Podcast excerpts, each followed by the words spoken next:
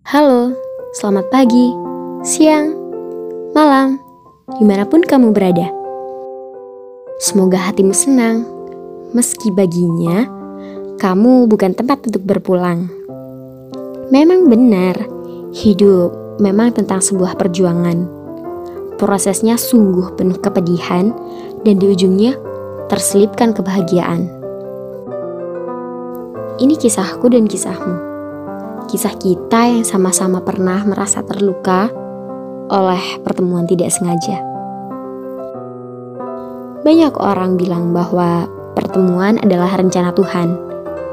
Lalu bagaimana pertemuanku dengan seseorang? Ia lelaki pertama yang bisa membuatku merasakan jatuh cinta.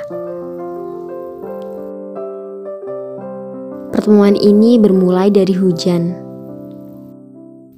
Saat itu, sambil membawa payung, dia menghampiriku. Dan kala membuka payungnya, ia melirikku. Apa dia akan menawariku sepayung dengannya? Tidaklah. Kamu tahu kan kalau ini bukan kisah telenovela?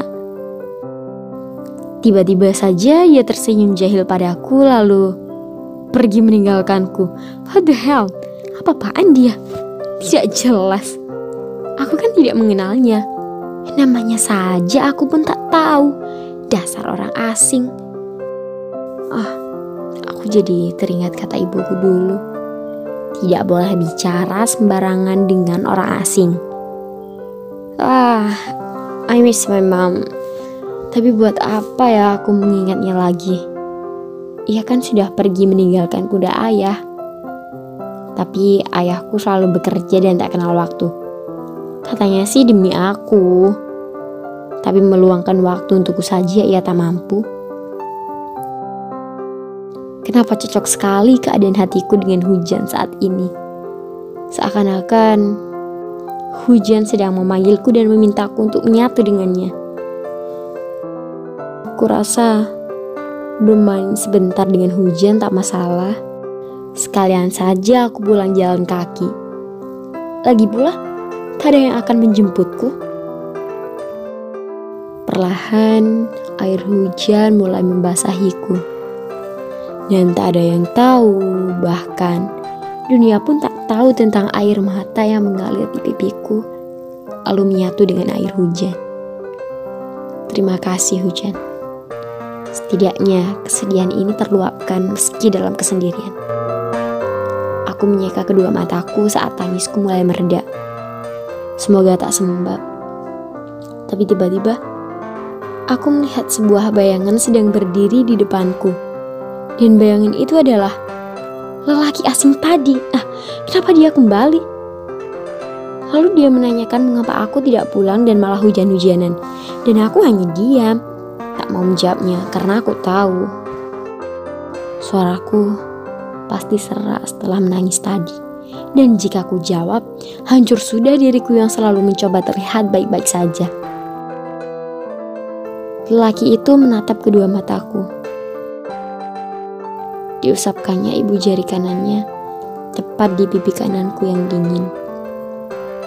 Dia bertanya lembut, "Kamu menangis?" Lalu dia meminta maaf padaku. Mengira aku menangis karena ia telah meninggalkanku sendirian. Bagaimana aku tidak tertawa? Aku menangis karena tinggal sendirian maksudnya. Mana ada. Dia tersenyum, mengajakku berteduh. Dia memberikanku sebuah payung dan melepaskan jaket yang ia kenakan, lalu memakaikan jaket itu padaku. Dia mengatakan bahwa dia mengkhawatirkanku. Ini aneh.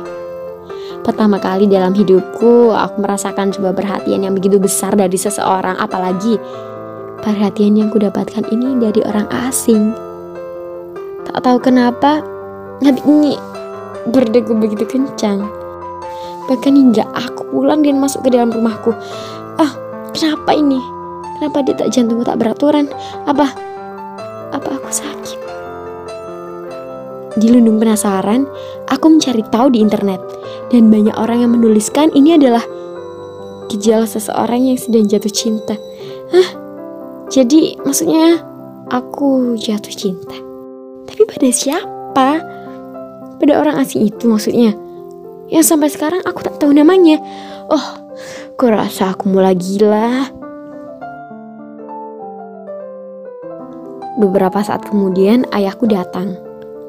Tatapan matanya menaruh curiga padaku. Ah, pasti ini karena aku belum mengganti pakaianku. Dia mengira aku hujan-hujanan dan tentu saja aku membantahnya.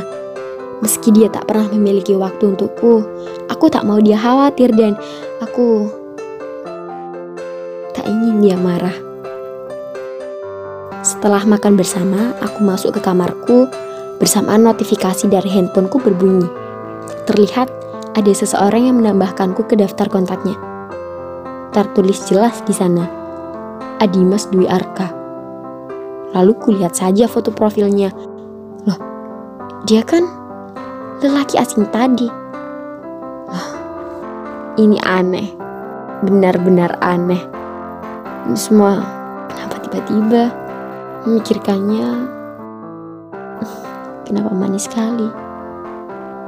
Tapi tak tahu kenapa di saat yang bersamaan aku merasakan hawa dingin mencengkeram dari balik pintu kamarku. Keesokan harinya, seperti biasa, aku bangun pagi sekali. Dan entah mengapa aku merasa lebih bersemangat sekolah hari ini. Aku berpamitan kepada ayah. Bukannya mengatakan, hati-hati di jalan, malah bilang bahwa dia telah membereskannya. Maksudnya apa? Ayah telah membereskan apa? Aku tak tahu. Oh, Mungkin ayah telah membereskan ruang kerja pribadinya, sehingga aku tak perlu membereskannya nanti. Mungkin saja itu. Sesampainya di sekolah, aku langsung menuju ke kelas Adimas untuk mengembalikan jaketnya. Aku tahu kelasnya. Kemarin sudah bertanya di chat di mana kelasnya. Sedikit mengintip dari jendela agar aku bisa menemukan keberadaan Adimas. Namun, ah, aku tak menemukannya. Akhirnya aku bertanya keberadaan Adimas kepada lelaki di dekat pintu masuk kelasnya. Tapi apa yang dikatakan lelaki itu justru membuatku membeku. Ia mengatakan bahwa Adimas baru saja meninggal pagi tadi.